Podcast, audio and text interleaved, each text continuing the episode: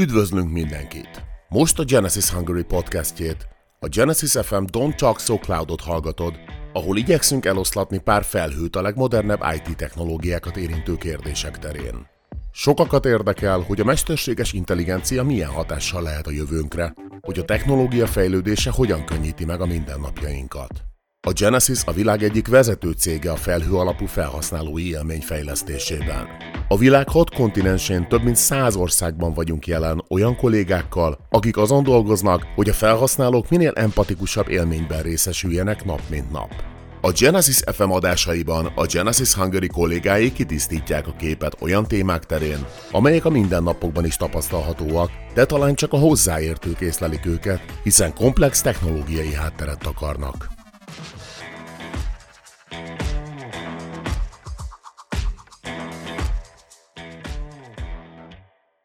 Sziasztok, én Sitkei Franciska vagyok, a Genesisnél dolgozom Agile Coachként. Itt van velem Porcia Roland és Udvari Tivi. Úgyhogy most át is adnám a szót egy kis bemutatkozásra. Sziasztok, én Porcia Roland vagyok, és Senior Engineering Managerként dolgozom a Genesisnél. Sziasztok, Udvari Tibor vagyok, jelenleg mint Staff Software Engineer dolgozom a Genesisnél. Mai témánk pedig az Observability Engineering lesz. Hm, ez egy tök jó kis téma lesz, de miről is szól ez egyáltalán? Magát az Observability Engineeringet úgy kell elképzelni, mint amikor egy titkos szolgálat egy bűncselekményt próbál felgöngyölíteni, vagy megelőzni, és a hírszerzők a lehető legtöbb információt szeretnék összegyűjteni, majd ezekre az információkra alapozva az ügynökök megoldják az adott bűncselekményt. Hát ez egy nagyon izgalmas téma, tök jól felvezetted, viszont mielőtt beleugranánk ebbe az egészbe, mesélj kicsit magadról, hogyan kerültél ebbe a világba. Magával az informatika világa akkor szippantott be, amikor legelőször bekapcsoltam egy számítógépet még általános iskolában. Ennek azért már jó pár éve volt. Azóta tudom, hogy ezzel szeretnék foglalkozni. Volt egy kis kitérő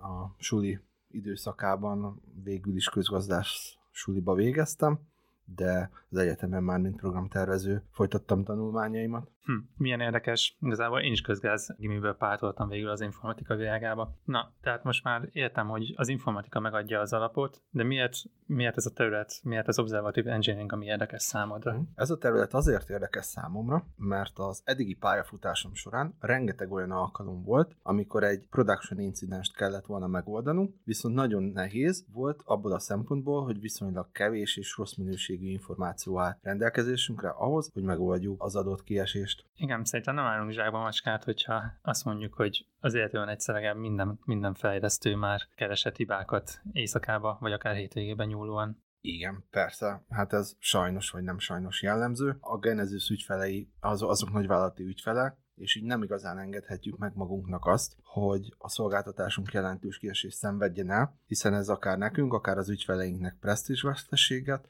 és anyagi veszteséget is jelenthet. Na, de akkor Observability Engineering. Amit én próbálok elképzelni az egészről, az igazából a monitoringból, meg a, a logolásból jön, és ehhez próbálom viszonyítani. Ugye, ha nézzük a régi módi hibakereséseket, akkor három alappilléről beszélünk, metrikák, monitoring és logolás, és ahogy én látom ezt az egészet, ez egy inkább egy ilyen reaktív oldalról fogja meg az egész területet, hibakeresést, meg ami hozzá tartozik. És mesélnék kérlek egy kicsit, hogy miben ad többet az Observability Engineering ennél? Persze. Maga az Observability nem egy új dolog, gyakorlatilag évek óta használja az iparág is, meg mi is használjuk ezeket az eszközöket, technológiákat. Az igazán innovatív megoldás az az, hogy hogyan értelmezzük azokat az adatokat, és hogyan tudjuk összekötni azokat az adatokat, amik a különböző meglévő monitoring alerting rendszerünkből kinyertük. Tehát igazából egy ilyen adat elemzési módszertan lényegében az observability.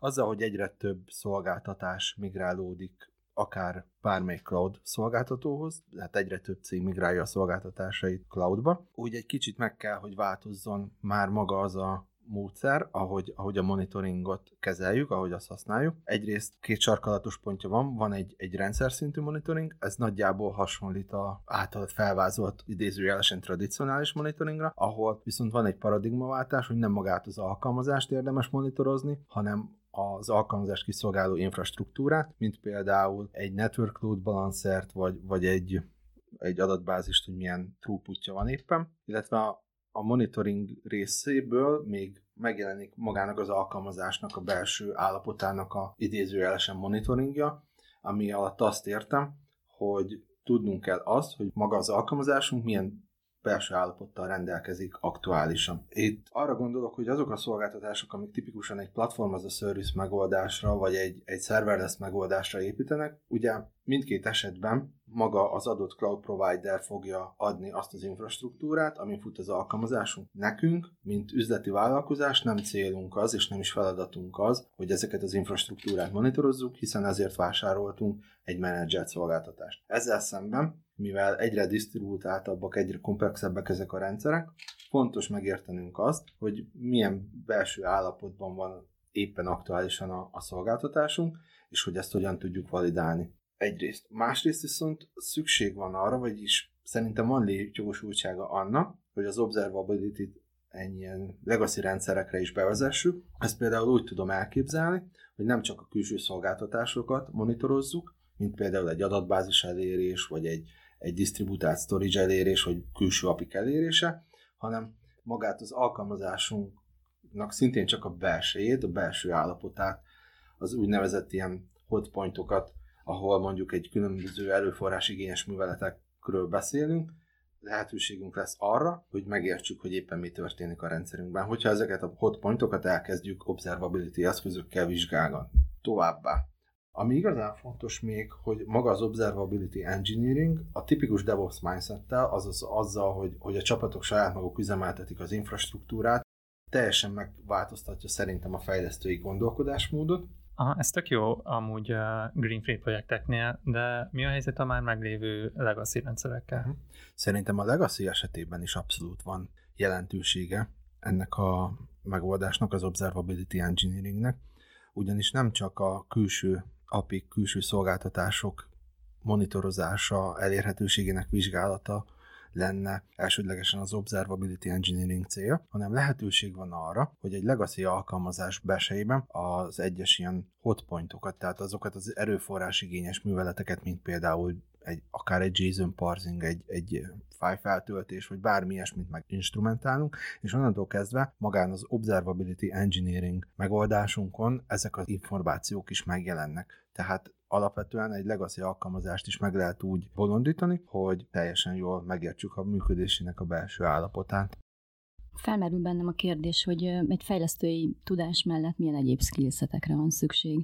Ugye alapvetően egyrészt szükség van arra, hogy legyen egy rendszer szintű gondolkodásmódunk, másrészt viszont a DevOps-os mindsetet is manapság már egyre több projekt, cég igényli, tehát nekünk, mint fejlesztőként valamennyire értenünk kell azt is, hogy az általunk írt alkalmazás az milyen infrastruktúrán és hogyan van kiszolgálva, és pont ez a mindset, hogy a saját magunk által írt alkalmazást kell üzemeltetnünk, ez ugyanakkor elősegíti azt az igényt, hogy legyen egy jó observability megoldásunk arra, hogy lássuk azt, hogy hogyan viselkedik az alkalmazásunk.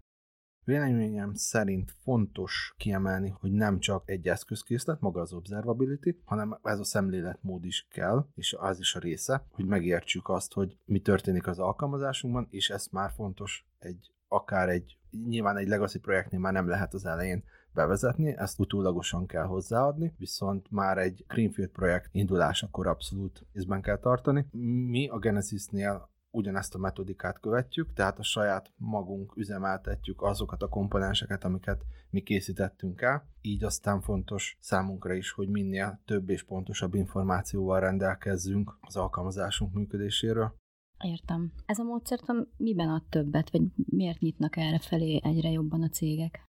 Ez egy összetett kérdés. Első dolog, amivel foglalkoznunk kell, hogy míg a monitoring esetében egy akár egy agregált, akár egy egyszerű skalár értéket láttunk, és az alapján próbáltunk, ahogy Roland is említette, reaktívan reagálni, addig az Observability Engineering esetében több adattal tudunk dolgozni, viszont ez nem annyira reaktív, hanem inkább éppen egy aktuális állapotot tudunk megnézni, illetve tudunk előre prognosztizálni viselkedési trendeket az alkalmazásunkban. Viszont ahhoz, hogy ez működjön, ahhoz egy ilyen struktúrát adathalmazt kell kezelnünk.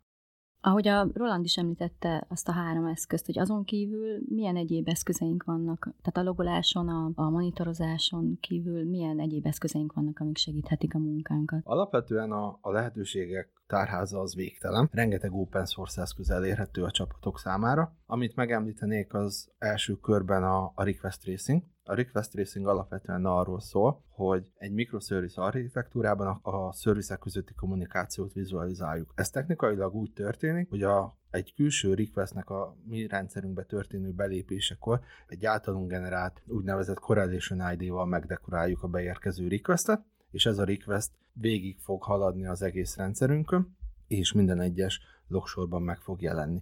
Így a rendszerünkben összeköthetővé válik egyrészt a szervizek közötti kapcsolat, melyik szerviz melyiket hívja, és mikor és hogyan, milyen adatta, másrészt viszont így, hogy van egy ilyen correlation id ami akár egy egész user flow le tud fedni, így viszont a korábban már említett struktúrát adatokat is hozzá tudjuk fűzni. Viszont a request tracing nem csak a microservice architektúra esetén tud működni, hanem egy monolit vagy legacy alkalmazásnál is tök jól működik, és ahogy korábban is említettem, lehetőség van arra, hogy megjelöljünk olyan üzletileg fontos vagy kritikus pontokat az alkalmazásunkban, amiről szeretnénk bővebb úgynevezett tracing információt szerezni, arra is jó ez az eszköz.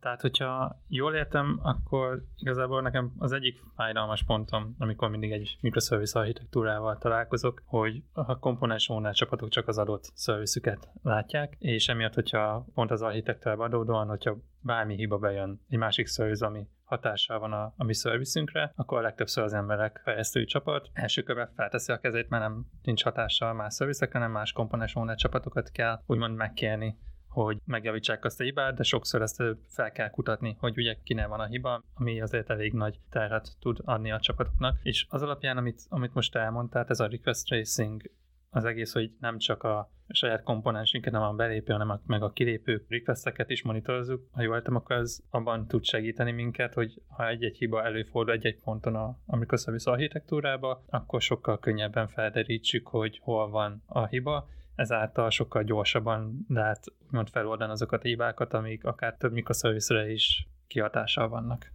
Így van, abszolút. Pont ez a célja, hogy a szervizek közötti kommunikációt, ugye ezáltal a dependenciákat is fel tudjuk deríteni, vizualizálni tudjuk, és azt mondják, hogy akkor működik jól az observability megoldásod, hogyha bármilyen a rendszeredben történő művelet sorhoz hozzá tudsz úgy nyúlni, úgy meg tudod nézni real-time, bármiféle extra logolás vagy, vagy debug mód, vagy bármilyen tradicionálisabb eszköz nélkül, hogy végig tudod követni, hogy melyik szervizben milyen műveletek zajlottak, milyen kommunikáció zajlott. Tehát, hogyha akár egy sima requestet végig tudsz szépen követni a rendszeredben, akkor mondhatjuk azt, hogy observability szempontból te megtetted a lehető legtöbbet. Tök jó. És ha már szóba kerültek az eszközök, milyen eszközök, a tradicionális eszközökön kívül milyen más eszközök léteznek még, amiket használnak a más cégek? Ez egy jó kérdés. Maga a request tracing alapvetően nem egy új technológia. 2010-ben érkezett róla az első publikáció. Nem árulok zsákban macskát, azért az egyik nagy internetes cég, a Google volt, aki először publikált erről egy tudományos dokumentumot, és volt egy saját implementáció is Dapper néven. Ezután kiadott még számtalan nagy cég, például a Twitter, az Uber is saját request tracing megoldást, viszont ezek a megoldások első körben még nem voltak teljesen kompatibilisek egymással, és ekkor lépett a CNCF, az a Cloud Native Computing Foundation a színre, aki azt mondta, hogy mi lenne, hogyha szabványosítanánk ezt a request tracing megoldást, mert ennek nagy jövőt láttak, és ebből született meg az Open Telemetry projekt. Az Open Telemetry projekt pont azt tudja, hogy gyakorlatilag nyelv agnosztikusan bármilyen projektbe be tudod éleszteni az már eleve elkészült ilyen request tracing library például, hogyha csak a Twitteres zipkint mondjuk, vagy az Uberes jégert, akkor ezeket egy egységes interfészen keresztül tudod behúzni. Ez egy része a dolognak. Ettől még nem lesz jó observability engineeringed, vagy observability, hanem van, léteznek sas megoldások a piacon, amik persze nagyjából fizetősek, tehát erre is áldozni kell, mint bármilyen másik szolgáltatásra, amit be tudsz integrálni a saját megoldásodba, és onnantól kezdve tudsz építeni arra a platformra, ilyen például a Honeycomb, illetve a Lightstep. Ezen kívül meg tudod ezt te oldani saját magad is tradicionális eszközökkel, tehát gondolok itt arra, hogy egy, egy Prometheus-szal, egy ELK stack simán össze lehet rakni ugyanazt a funkcionalitást, mint amit ezek a szolgáltatások adnak, csak azt kell mérlegelni, hogy az adott eszköz kialakítása, tehát a saját eszközöt kialakítása nagyobb költséggel jár, mint hogyha bevezetnél egy másik eszközt, ami már létezik a piacon. Jó hangzik. És azon gondolkodom, hogy hogy most így beszéltünk a, az eszközökről, tényleg mivel jár a koncepcióval, meg hogy milyen platformok vannak, amiket a cégek használhatnak. Mit gondolsz arról, hogy, vagy mit válsz attól, hogy ha mondjuk egy-egy cég most elkezdené bevezetni ezt a Observability Engineeringet, akkor ez hogyan alakítja, vagy alakíthatja át a, az egyes cégeknek a kultúráját? Én azt várom, hogy ahogy a cégek haladnak a, a monolittól a microservice felé, igazából teljesen mindegy, hogy mekkora mértékben, vagy lépésben, úgy egyre nagyobb igény lesz arra, hogy a cloudos, nagyon komplex, nagyon disztributált rendszerek belső állapotát össze tudjuk azokból az információkból, amik van. És erre szinte csak és kizárólag azt gondolom, hogy egy jó observability megoldást tud eszközt adni. Itt most tényleg megint mindegy, hogy, hogy saját magunk rakjuk össze és üzemeltetjük, vagy megvesszük készen. Ez engem, mint engineer nem feltétlenül biztos, hogy érdekel. Ezt majd eldöntik, és ezért én nagy jövőt látok ebben, hogy ez egyre inkább terjedni fog, és a cégeknél egyre, egyre nagyobb hangsúlyt fognak ráfektetni. Amit biztosan tudok, hogy mi a Genesisnél törekszünk arra, hogy az alkalmazásaink transzparensként viselkedjenek, és ezáltal egy jobban üzemeltethető, gazdaságosabb platformot lehessen építeni, és tudjunk nyújtani a, a partnereink számára. Úgyhogy mi, mint Genesis, ezért tervezünk, hogy teszünk, és ter- teszünk is pont délután lesz a csapatomnak a backlog refinementje. Mit gondolsz, hogyha behívnálak most ezek a podcast után, hogyan magyaráznád el ezt nekik röviden? Azt mondanám, hogy maga az observability ez egy periszkóp szteroidokon. Periszkóp abból a szempontból, hogy bele tudsz nézni az alkalmazásod belső működésébe, amit a tradicionális eszközökkel, gondolok itt főleg a logolásra, nem nagyon tudtál megtenni. Ugye az nem annyira általános, hogy, hogy beledibagolsz egy production rendszerbe, és úgy akadályozod a rendszered működését. Másrésztről pedig az a nagy előnye, hogy nincs szükséged azokra az extra logsorokra, amit biztos vagyok benne, hogy bármelyik fejlesztő eddigi pályafutása során legalább egyszer elkövetett, hogy extra logokat rakottak útba, és azt rakták ki egy környezetre, hogy, hogy fel tudjanak deríteni egy hibát. És ezáltal egyfajta kényelmet is ad, hogy nem kell ezeket az extra köröket lefutni. Kicsit összefoglalva az eddigieket, hogyan induljon el, aki ezzel szeretne foglalkozni? Én alapvetően azt mondanám, hogy az első lépés az, hogy egy adott cégnél vagy projektnél be kell juttatni a fejlesztői köztudatba ezt a dolgot, hogy ez létezik, erre szükség van. Nyilván az a legjobb motiváló tényező, hogyha az ember egy-egy éjszakát eltölt egy hiba felderítésével, mert akkor rá fog jönni másnap reggelre, hogy ú, bizonyára erőforrást és időt kell biztosítanunk. Hogyha ez megvan, akkor onnantól kezdve szerintem apránként simán be lehet vezetni bármilyen projektre, cégre, csapatba ezt a technikai megoldást, de lehet praktikusabb kis lépésenként haladni, és így én első lépésnek azt mondanám, hogy egy, egy szép request tracing bevezetés, amivel ugye vizualizálni tudjuk a kommunikációt, az elég nagy lendületet ad ennek a projektnek, és utána jöhet szépen az összes többi lépcsőfok. Köszi szépen, Tibi, ez mindenképp nagyon hasznos volt számomra mindenképpen. Szerintem keresni foglak, mert ezt szeretném a csapathoz bevinni és elindítani őket is ezen a paradigmaváltáson, ahogy te fogalmaztál. Úgyhogy köszi még egyszer. Én is szeretném megköszönni, szerintem is nagyon érdekes volt ez a téma. Azt gondolom, hogy a többi csapat, akikkel dolgozom, szívesen bemutatnám nekik is ezt a témát, úgyhogy szerintem még keresni foglak. És köszönöm szépen mindenkinek, aki ezt hallgatta, köszönöm az előadást nektek is, Roli, Tibi. Találkozunk legközelebb. Köszönöm szépen. Sziasztok! A következő epizódban Molnár Saska Balázs és Tanács Benedek folytatják a beszélgetést, ahol a projektszervezési konvenció kialakításáról, azok módosításáról és egyel konkrétabban pedig arról lesz szó, hogy miként tértünk át réteg alapú packagingről feature alapúra, és hogy ez milyen előnyökkel, illetve kihívásokkal járt. Köszönjük, hogy velünk tartottál a mai epizód során. Reméljük nálad is kitisztult az ég.